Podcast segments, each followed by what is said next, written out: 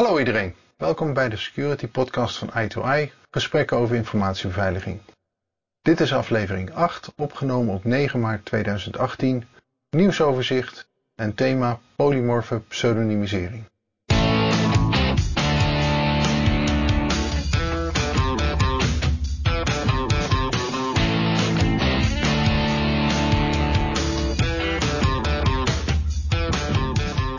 In deze aflevering nieuwe DDoS records, veiligheidsmonitor 2017 en het thema polymorfe pseudonymisering. Ik ben Lex Borger en vandaag heb ik twee podcastmaatjes. De eerste is Bram van Pelt. Hallo Bram, hoe is het met jou? Ja, goed. Ehm, ja, met mij gaat het goed. Ik ben uh, sinds kort uh, weer lekker uh, aan het vakantie vieren. Dus ik zit nu in mijn vakantie lekker met je te podcasten, joh. Hartstikke goed, joh. En ik had jou gevraagd om een weetje. Ja, ik heb, uh, ik heb nog uh, nagezocht op internet. Uh, zeker de vorige aflevering ging over entropie en over randomisatie. Dus ik, ik ben uitgekomen bij de Library van Babel. Dat is een, een verzameling van eigenlijk willekeurige woorden waar je in kan zoeken. En het leuke is, omdat alle woorden in alle combinaties daar staan, is alles wat jij ooit geschreven hebt, of alles wat jij gaat schrijven, staat daar al in. Ongelooflijk. Hoe groot is dat dan wel? Dat is een uh, library uh, met een grootte van uh, 10 tot de macht 4611 duizend boeken uit mijn hoofd. Ik heb er heel eventjes naar gekeken. Ik heb gewoon wat woorden opgezocht en ik kon niet bewijs vinden voor tegengestelde wat jij beweerde. Ja, heel interessant. Uh, het, het, is uh, zeker ook leuk om, uh, om te zoeken tussen de willekeurige Engelse woorden en om te kijken van wat volgt er nou op hetgeen ik heb geschreven. En, en klopt dat een beetje? Er is een heel, heel, heel ook bij van mensen die, dat, die daar naar op zoek gaan. maar ik zelf vind het het leukste om, om daarnaar te kijken en op een andere manier naar entropie ook te kijken. En naar wat wij willekeur noemen kijken. Want deze bibliotheek wordt willekeurig opgebouwd, maar wij gaan op zoek naar structuren. En wat zijn dan die structuren die wij herkennen? Is dat dan echt een structuur of is het willekeur die nou net bij elkaar samenkomt? Ja. Hoe hebben ze dit opgezet? Is, is het al klaar? Op dit moment wat ze doen is dat ze aan de hand van een seed genereren ze ter plekke wat je nodig hebt. Uh, omdat het seed vast ligt, uh, komt ook altijd hetzelfde resultaat eruit. Ze kunnen ook niet alles opslaan, want uh, ja, 10 tot de macht 4611, dat is gewoon te veel. Dat, dat getal kun je niet eens voorstellen, laat staan zoveel boeken. Dus in dat opzicht, hij is niet klaar. Maar door op te vragen, komt hij steeds verder. En kun je dus ook gewoon ja, kijken van wat, wat gaat er gebeuren eigenlijk. Nou, het is zeker een weetje van de week. het, is, het is een, een kant die ik ja, niet eens vermoedde dat zou bestaan. Nee, ja, ik kwam er ook zo langs en ik, ik vond hem erg leuk. Dus ik dacht van ik deel hem even. En we hebben nog een ander uh, podcastgenoot, uh, Joost Weinings. Hallo Joost, hoe is het met jou? Goedemorgen. Ja, alles is prima. Het zijn drukke tijden, maar uh, het is goed vol te houden. En interessante nieuwtjes natuurlijk overal. Um, want ook jij had aan mij gevraagd uh, om, om met een nieuwtje te komen.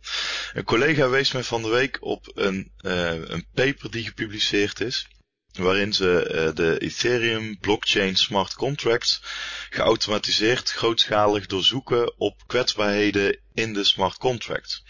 En um, ik vond het wel interessant, maar dan vooral ook op awareness vlak, want uh, de paper zelf, uh, nou ja, goed, voor sommige mensen is het misschien uh, standaard leesvoer voor na het avondeten, maar um, mij gaat het de pet wel redelijk te boven, maar de boodschap vind ik interessant de boodschap is dat er toch echt wel heel veel smart contracts zijn met bugs. Bugs in een contract wat uh, ervoor moet zorgen dat jij in bepaalde omstandigheden je geld krijgt. Dat is best wel vervelend. Nou, ze hebben dus uh, allerlei varianten daar, uh, daarin gedefinieerd. Er zijn contracten die vast kunnen lopen. Dus die gaan nooit uitkeren. Er zijn contracten die je voortijdig kunt laten uitkeren. Dus uh, dat je door een bug uh, ja, kunt manipuleren dat die uitkeert. En er zijn contracten die kunnen uitkeren aan de verkeerde persoon. Dus je manipuleert zeg maar de wijze waarop de betaling plaatsvindt.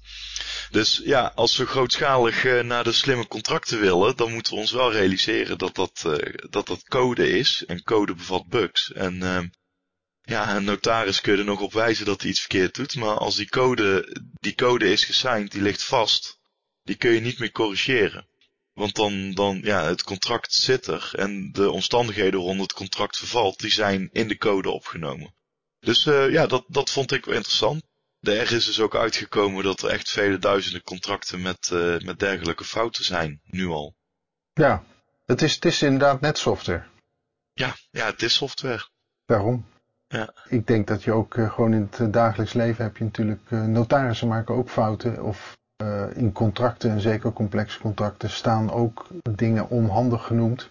Of misschien soms wel bewust onhandig genoemd.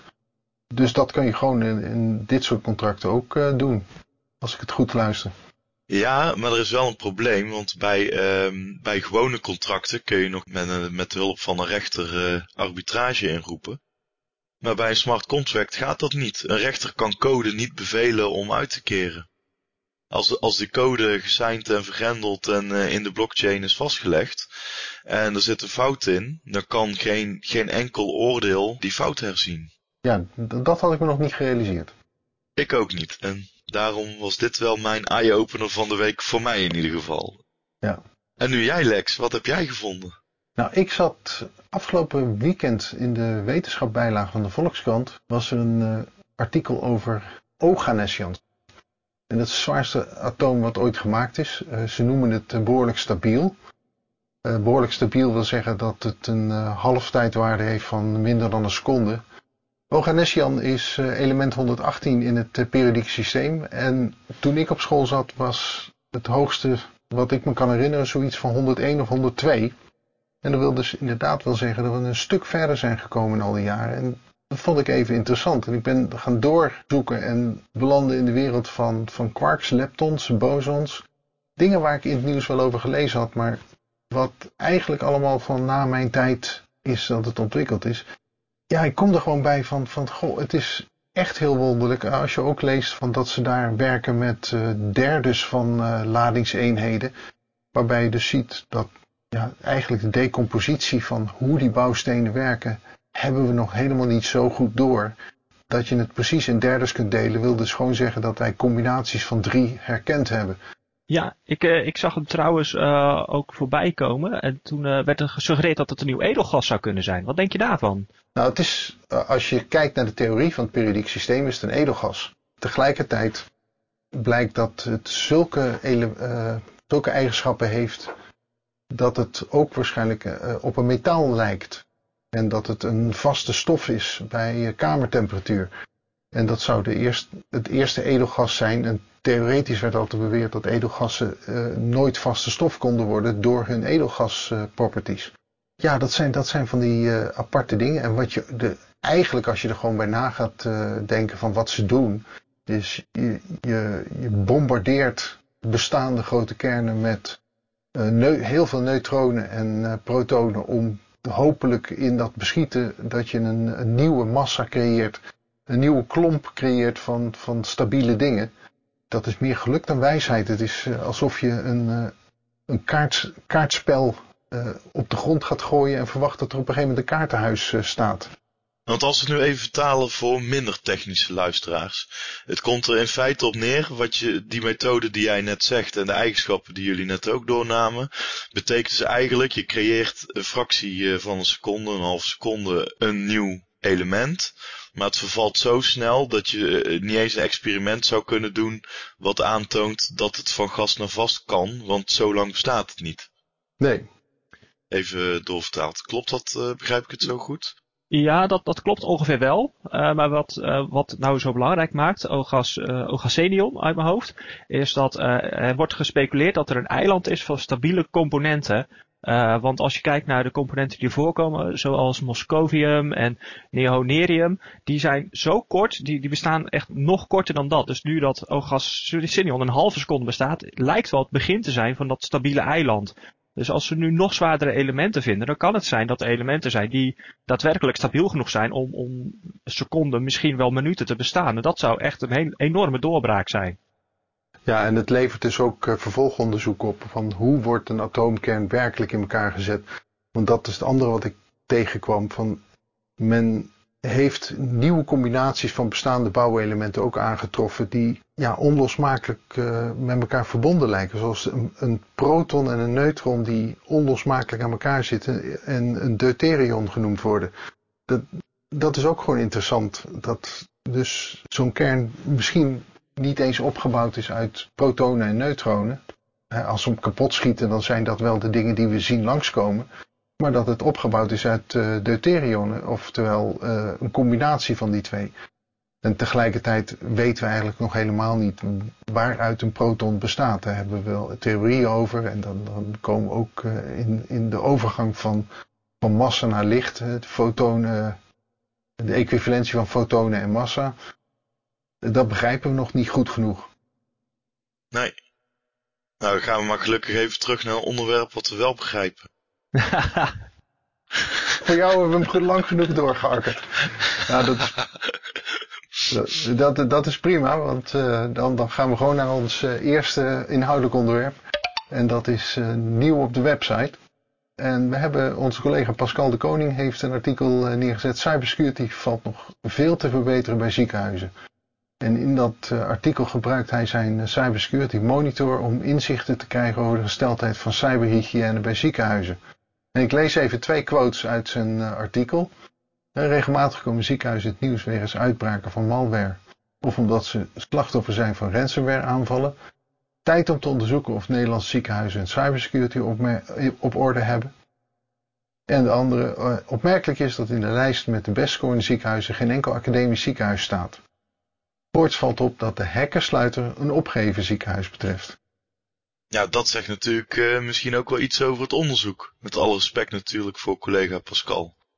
Nou ja, als je het onderzoek bekijkt, dan, kijkt hij natuurlijk naar alles wat publiek uh, beschikbaar is. Dus je kijkt naar internet-facing servers en naar uh, hoe e-mailbeveiliging in elkaar zit. Dus dat, uh, het geeft wel een indicatie, maar het is, ja, het is niet sluitend in dat opzicht. Het is een soort digitaal spookhuis, een soort abandoned house, de, de, de website dan misschien van, van dat opgegeven ziekenhuis.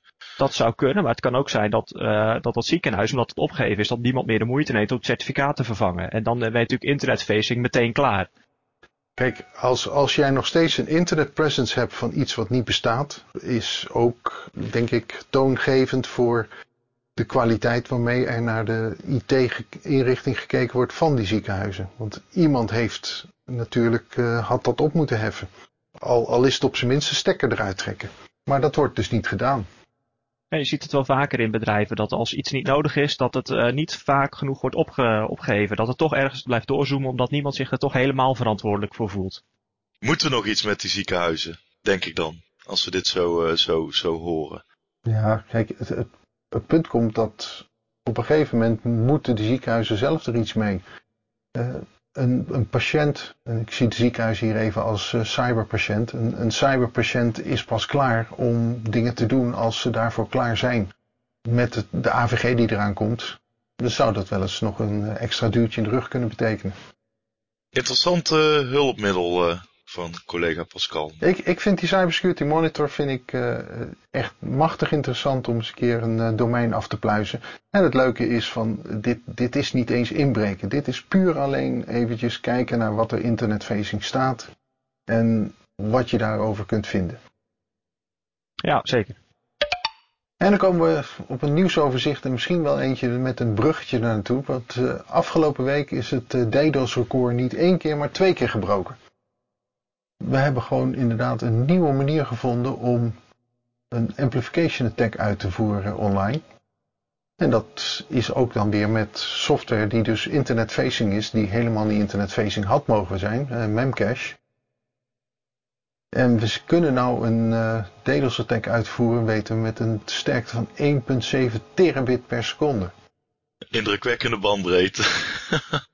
Als ik mij goed herinner was Brian Krebs naar Google verhuisd en van bij, uh, hoe heet die andere provider ook weer uh, weggegaan, um, Akamai. Uh, toen hij onder een aanval lag van 300 megabit. Dus we zitten hier echt gewoon een hele klasse hoger weer. Ja, het is bizar als je ziet hoe snel die klasses oplopen gewoon. Dat, dat gaat echt nou bijna wel met, met honderden per, per keer dat er een, een nieuwe aanval komt, ja. Ja, Ja, en het laat ook gewoon zien hoe groot de problemen zijn. Uh, dat, dat, dat als een technologie grootschalig ingezet wordt, hetzelfde geldt natuurlijk voor, voor, voor, voor kwetsbare Internet of Things uh, apparaten. Hoe, hoe snel de schade die aangericht wordt, uh, kan worden, mee, mee oploopt. Dus als, ja, hoe, hoe, breder gebruikte techniek en, uh, en hoe makkelijker de misbruikmogelijkheid, hoe, hoe grootschaliger vervolgens uh, een soort amplification van, uh, van, van de schade zelf, zeg maar, die je gaat krijgen. En dat, dat, dat maakt het wel echt heel belangrijk dat standaard oplossingen bijvoorbeeld out of the box toch wat meer dichtgetimmerd zijn.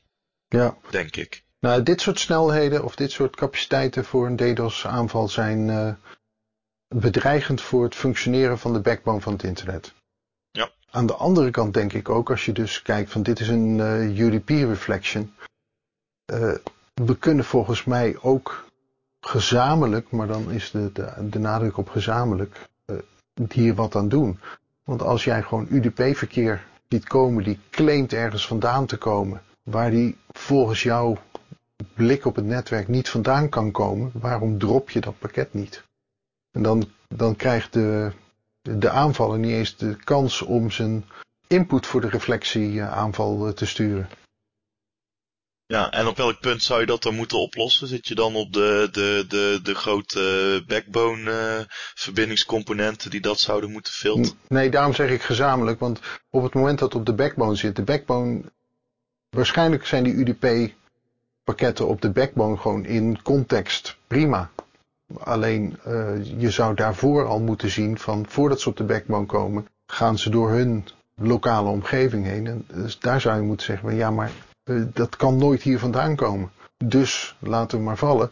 Of er moet misschien een, uh, een gedeelde monitor komen die zegt van, goh, ik zie nou ineens uit de verkeerde hoeken UDP-pakketten komen vanuit dit IP-adres. Uh, wellicht is dit IP-adres onder DDoS aanval nu. En dat we dan uh, gelijk een, een, een gecombineerde grotere wasstraat kunnen opzetten. Ja, ik, snap wat je bedoelt. Ik zie alleen een, een probleem, want uh, om dit, ja, deze amplification attack te initiëren, zou je ook gewoon vanuit Tor kunnen doen. waardoor het nog eens keer moeilijker wordt om te, om te kijken van wie lanceert nou die aanval en waar komt die nou echt vandaan. Uh, want als je nu kijkt naar een DDoS aanval zoals je hem normaal zou uitvoeren, als je daar nu uh, een, paar, ja, een paar servers voor gebruikt, of je zou zelfs kunnen zeggen van ik doe een DOS aanval van één server, dan kun je al Tor niet meer voor gebruiken, omdat je op dat moment Tor onderuit trekt. Dus dan wordt de identiteit toch al heel gauw bekend van wie dat zou moeten doen. Dus ja, het, het, het maakt het wel weer lastiger als je ook nog Tor in deze ja, deze vergelijking meeneemt. Van waar komt het nou vandaan en waar moet ik nou gaan afblokken? Want Tor gaat niet afblokken, dat, dat durf ik je wel te vertellen. Nee, maar die Tor exit node zal op een gegeven moment gewoon het gewone internet opgaan. Ja, maar waar zal dat zijn? Ja, daarom heb je een gezamenlijke tech nodig van, van mensen die zeggen, ja, uh, leuk dat hier een UDP-pakket uh, het internet opgegooid wordt en leuk dat dat uit een Tor exit node komt, dat kun je waarschijnlijk ook vrij makkelijk zien. Maar in de context klopt dit niet. Hij gaat niet terug naar een, een, een Tor uh, input node. Hij gaat terug naar eentje die gewoon op het uh, internet zit. Ik, ik, zeg niet dat ik, uh, ik... Ik ben absoluut geen netwerk security expert die de gevolgen kan overzien van alles wat ik nou uitroep. Maar ik, ik, krijg wel het gevoel dat je DDoS aanvallen niet moet gaan afstoten met een wasstraat. Dat is, dat is de brandweer, maar we kunnen gewoon ook nog naar brandveiligheid kijken. Dat ben ik met je eens, ja. Ja, ja je, je probeert het nu in feite op te lossen aan de kant waar de schade aangericht wordt. Terwijl je de oorzaak moet, moet aanpakken. Want die, die schadekant die wordt steeds groter en die kent steeds meer hoeken van waar het vandaan kan komen. Dus het is steeds moeilijker te verdedigen. Dus ja, je moet het inderdaad aan de oorzaak. Uh, eventueel op, uh, op protocolniveau of, uh, of dat soort dingen. Dat je nog fundamenteler dat aan gaat pakken. Ja, ja je wil eigenlijk geen content inspection doen, denk ik, bij alle routers in de, in de wereld. Ik denk dat met header inspection dat je al een heel eind komt. Ja, dat, dat zou zeker wel een eind moeten oplossen. Dan moet je wel als iedereen zover krijgen om dat te doen. En dat wordt denk ik de grote uitdaging in deze. Ik, ik denk dat je niet zo ver hoeft te gaan als iedereen. Maar je moet wel een, bepaalde mate van uh, coöperatie hebben. Het is uh, net zoals inenten tegen een virusinfectie. Als je genoeg uh, elementen, of ja, genoeg mensen ingeënt hebt, dan kun je er kun je voorkomen dat er een grootschalige uitbraak is. En je hoeft echt niet 100% ingeënt te hebben. Ja, ik, ik weet nog niet helemaal zeker of het zo in elkaar zit. Maar ik ben ook niet echt de expert die op een low-level UDP alles weet. Dus dit is zeker een leuk om nog een keertje uit te pluizen. Ja, nou, komen we op een uh, volgend uh, dingetje waar jij uh, inmiddels wel in dit publiek de expert op bent. Veiligheidsmonitor 2017. Nou, nou, expert, ik heb hem, ik heb hem doorgenomen. Ik heb vakantie, hè. Dus ik, ik ja, wat doe je op vakantie? Dan ga je lekker lezen. Ik had, de library van Babel had ik nog niet uit, maar ik dacht van, ik ga wel even wat anders lezen. Dus ik ben bij de veiligheidsmonitor ben ik uitgekomen. Ik zag op security.nl al dat daar best al wat, wat over gezegd was. Maar ik dacht van, laat ik, eens, laat ik hem eens doornemen. En de, de, dingen die voor mij eruit springen is uitpakken. Kijken wat jullie ervan vinden. Prima, ga je gang.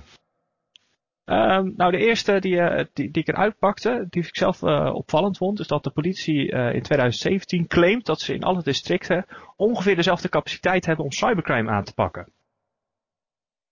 Als ik kijk naar alle andere categorieën, dan, dan zie je dus dat, dat de capaciteit best verdeeld is. Hè? Dat sommige districten die zeggen van nou, geweld, ge, als er echt geweld gebruikt wordt, dan, daar zijn wij bekend mee, dan kunnen wij goed aanpakken.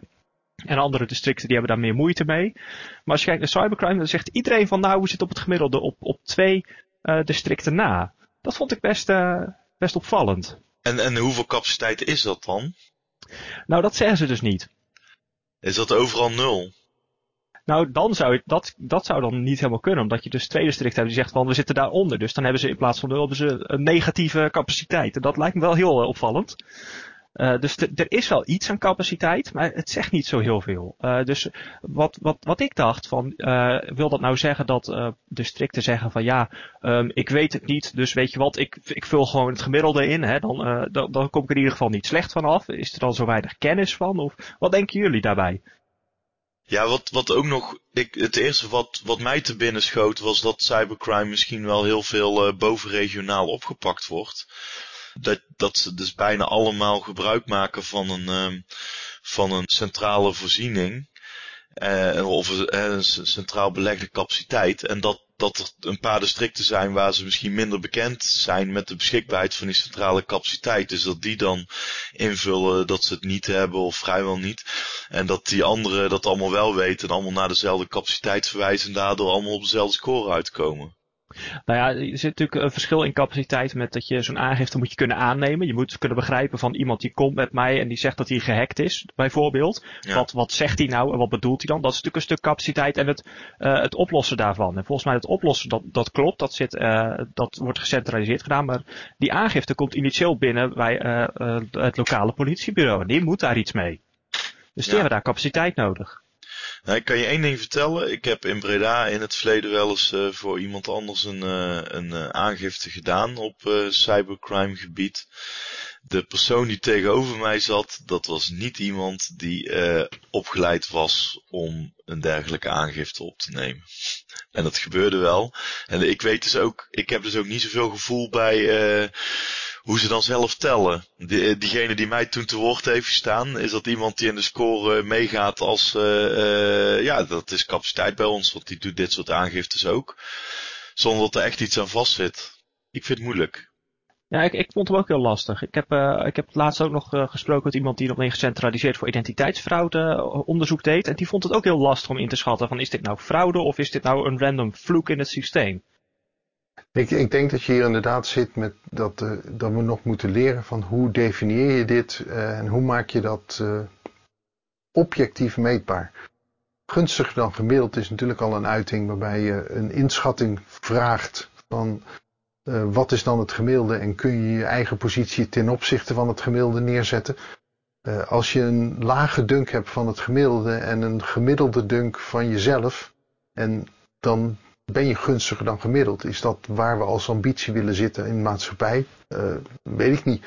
Wat jij net beschetste, eh, het scenario uh, Joost, dat zou nog zelfs gunstiger dan gemiddeld kunnen zijn in werkelijkheid. Ja, maar de vraag is natuurlijk ook, hebben ze dit gevraagd? Of is dit dan een vertaalslag van CBS? Uh, dit is op basis van een vragenlijst die is rondgestuurd. Oké, okay, dus ze hebben echt deze term uh, gebruikt. Ja, dan kom je dus bij van uh, als je even vertaalt naar ons werkveld. Op het moment dat jij risicoanalyse probeert te doen op basis van een self-assessment checklist, dan krijg je ook met dit soort uh, problemen te maken. Terwijl als je een, een auditor krijgt die expertise heeft op dit vlak uh, en daar eerst ook nog een, een beoordelingsraamwerk voor maakt, dan heb je een heel ander soort beoordeling.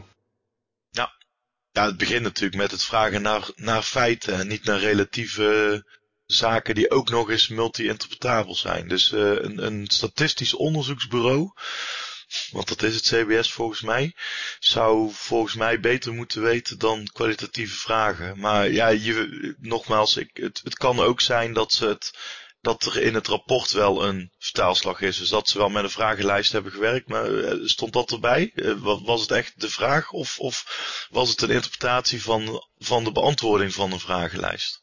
Nou, ik kon dat, dat er eigenlijk niet goed uit opmaken. Ik kon alleen achter, uh, helemaal op de laatste pagina staat eigenlijk van uh, dit onderzoek is uh, gebeurd op basis van een vragenlijst. En verder dan dat staat het er ook niet bij in hoeverre het is geïnterpreteerd of is ja, genormaliseerd. Dus dat kan ik ook niet, daar kan ik helaas geen antwoord op geven. Het staat dus niet in het rapport, maar is waarschijnlijk wel opvraagbaar als je een, een reden hebt. Dat denk ik ook. En anders hebben we nog het WOP-verzoek.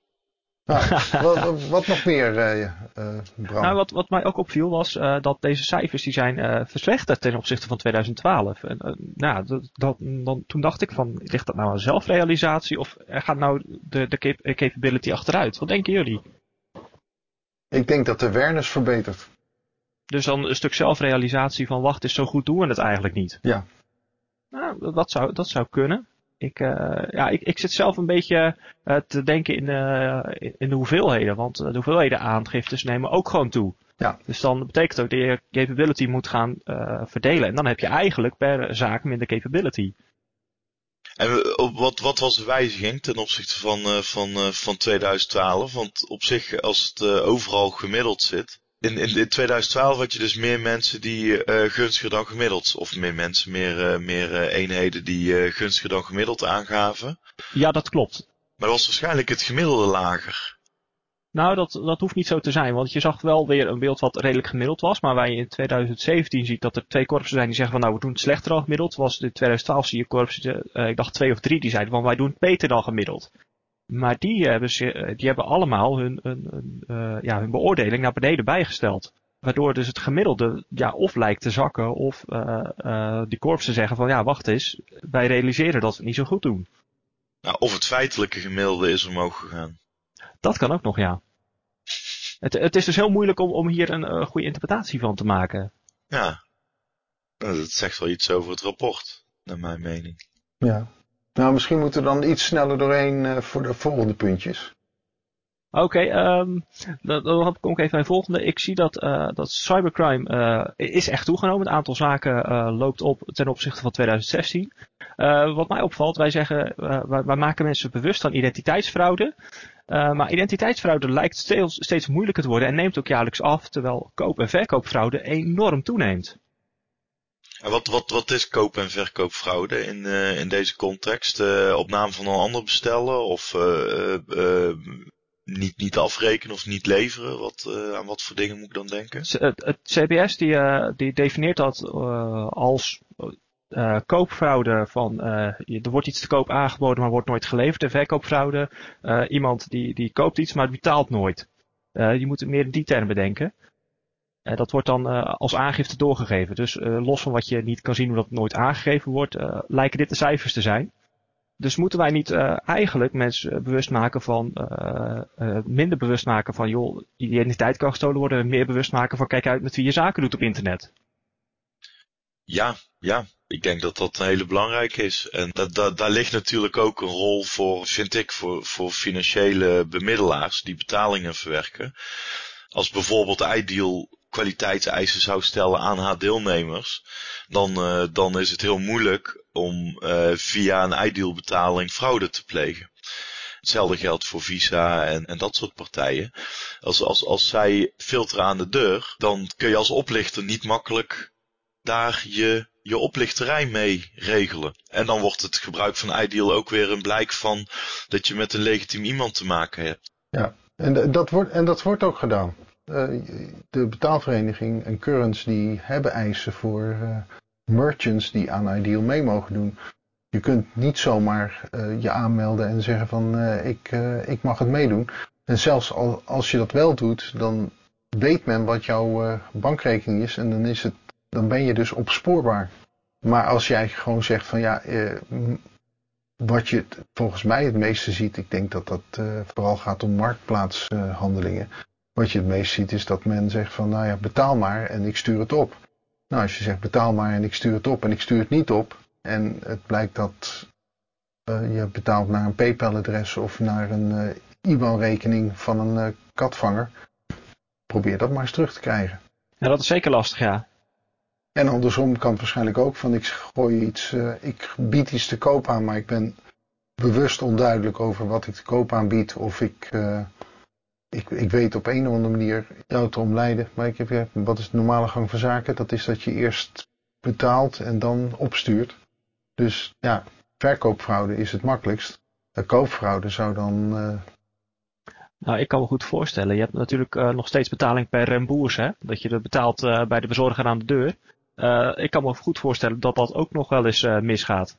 Ja, hoeveel mensen maken daadwerkelijk het pakketje open in het bijzijn van de, van de bezorger? Ze rekenen misschien wel af aan de deur. Dan is die bezorger weg en vervolgens maak je het open en er zit niks in. En dan, ja, wat, wat ga je dan nog doen? Dat is zeker lastig. Uh, ik had nog, een, uh, nog eentje die ik eruit had gepakt. Uh, de slachtoffers van cybercrime zijn vooral jongeren in de categorie 15 tot 24 jaar. Hadden jullie dat door? Nee, dat is voor mij echt, echt nieuw. Is dat omdat dat de, de, daar ook de mensen zijn die online handel drijven? Nou ja, als ik 16 jaar ben, dat was juist het grappige. Als het gaat om, om koop- en verkoopfraude, dan, dan staan ze vrij laag. Uh, want dan zie je de 25 tot 44-jarigen als marktleider, om het zo maar te zeggen, van die categorie. Mm -hmm. uh, dat kan er ook mee te maken hebben dat, ja, als je 16 bent, je krijgt 2 euro zakgeld in de week, ja, dan, dan koop je niet zoveel online, omdat je dat misschien al allemaal hebt uh, weggerookt of aan snoep heb uh, opgegeven, zoals ik dat vroeger deed. Dus ja, dat, dat zie je juist minder. Maar als het gaat om, uh, om cyberpesten, nou dan zie je een uitschieter, dat, dat, is echt enorm. En dan heb je het dus over, over stalking, dan heb je het over, nou ja, wat je wellicht ook wel vaker ziet.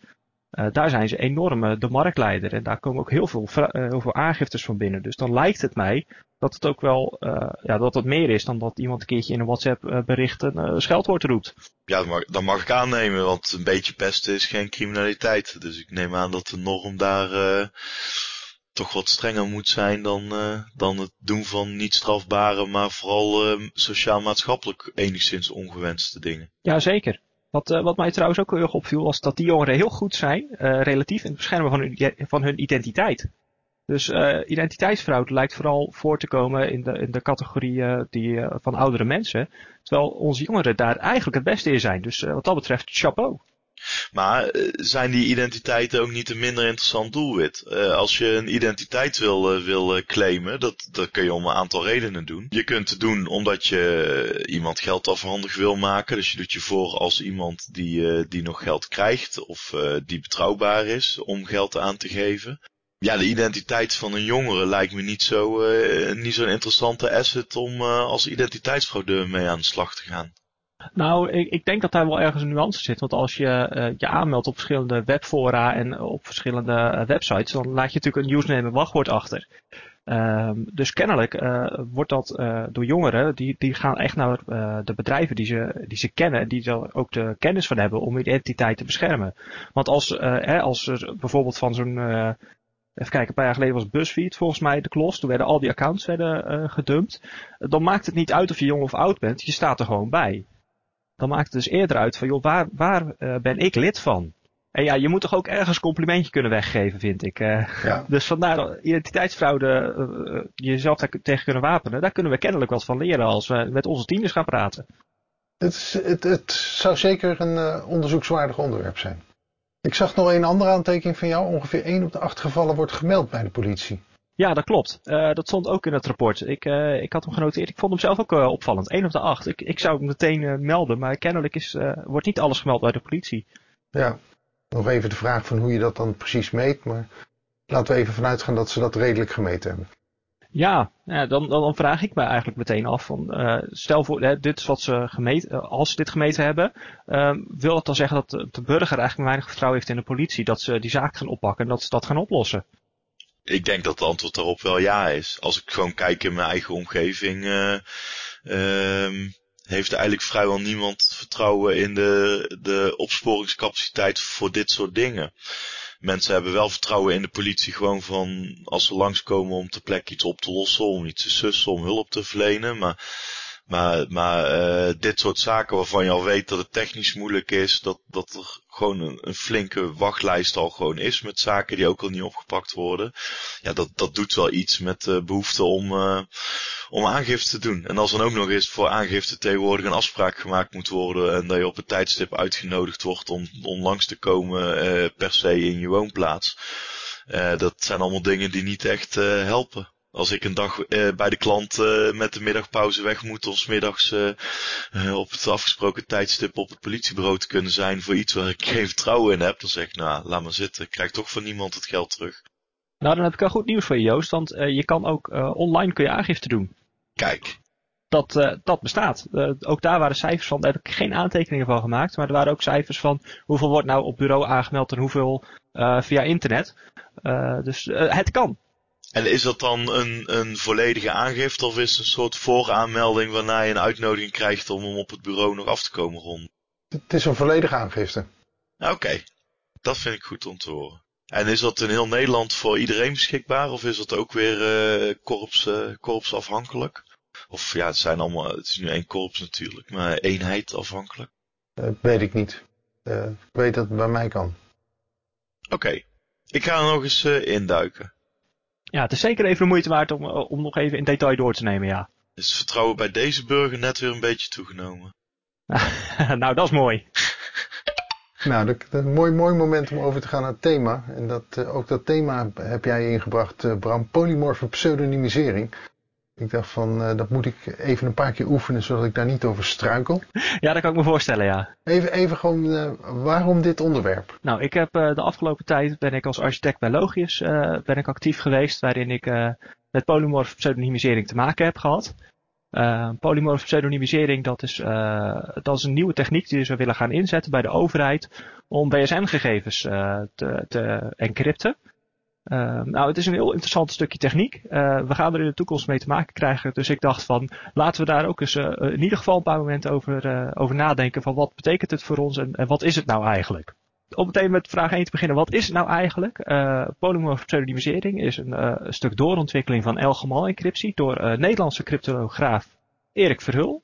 Um, Erik Verhul kon er vandaag niet bij zijn, maar ik hoop dat hij meeluistert. En ik hoop ook dat hij me niet te veel verbetert, want ik doe hier eh, zeker mijn best op. Het is een vrij ingewikkeld stukje encryptie, dus ik ga proberen wat simpeler uit te leggen. Wat er gebeurt ten opzichte van El Gamal is dat er een, een nieuwe laag randomisering van ciphertext wordt toegevoegd. Nou, wat wil dat dan zeggen? dat wil zeggen dat als je inlogt bij een dienstverlener, normaal gaat je BSN door, dat wordt geëncrypt. En je zou aan de hand van, van wat de, de cijfertekst is, zou je dus kunnen afleiden van, hé, hey, deze persoon komt hier langs en later komt hij nog een keer en later komt hij nog een keer. Nou, dat is natuurlijk niet uh, wat je wil hebben als je uh, kan zien van, nee, de persoon gaat eerst, logt in bij zijn huisarts en dan bij zijn zorgverzekering. Want dan zou die zorgverzekering wel eens kunnen zeggen van, wacht even, dit, dit klopt niet helemaal, dit is geen zuivere koffie. Dus uh, door telkens uh, het stukje ciphertext te randomiseren, krijg je uh, voor elke dienstverlener en elke keer dat je inlogt, wordt die ciphertext anders. En kun je dus van buitenaf kun je niet meer zeggen van hé, hey, dit is dezelfde persoon die twee keer inlogt bij zijn huisarts, of die eerst inlogt bij zijn huisarts en dan bij zijn zorgverzekering. Dus dat, dat, dat is enorm goed voor de privacy komende jaren. Ja, en op welke plek moet je, moet je dan zitten om daar misbruik van te maken? Dan moet je dus uh, bijvoorbeeld internetverkeer kunnen ja, zien. Of uh, daar zit je bij op uh, providers en zo. Maar ook eventueel inlichtingendiensten, dat soort. Bijvoorbeeld? Maar ook als je kijkt naar de stelsels die nu ontwikkeld worden door, uh, door de overheid, zoals het stelsel elektronische toegangsdiensten, uh, de routeringsdiensten waar ze laatst ook uh, mee bezig zijn geweest in een publieke aanbesteding, die gaan dus tussen burgers en authenticatiemiddelen in zitten.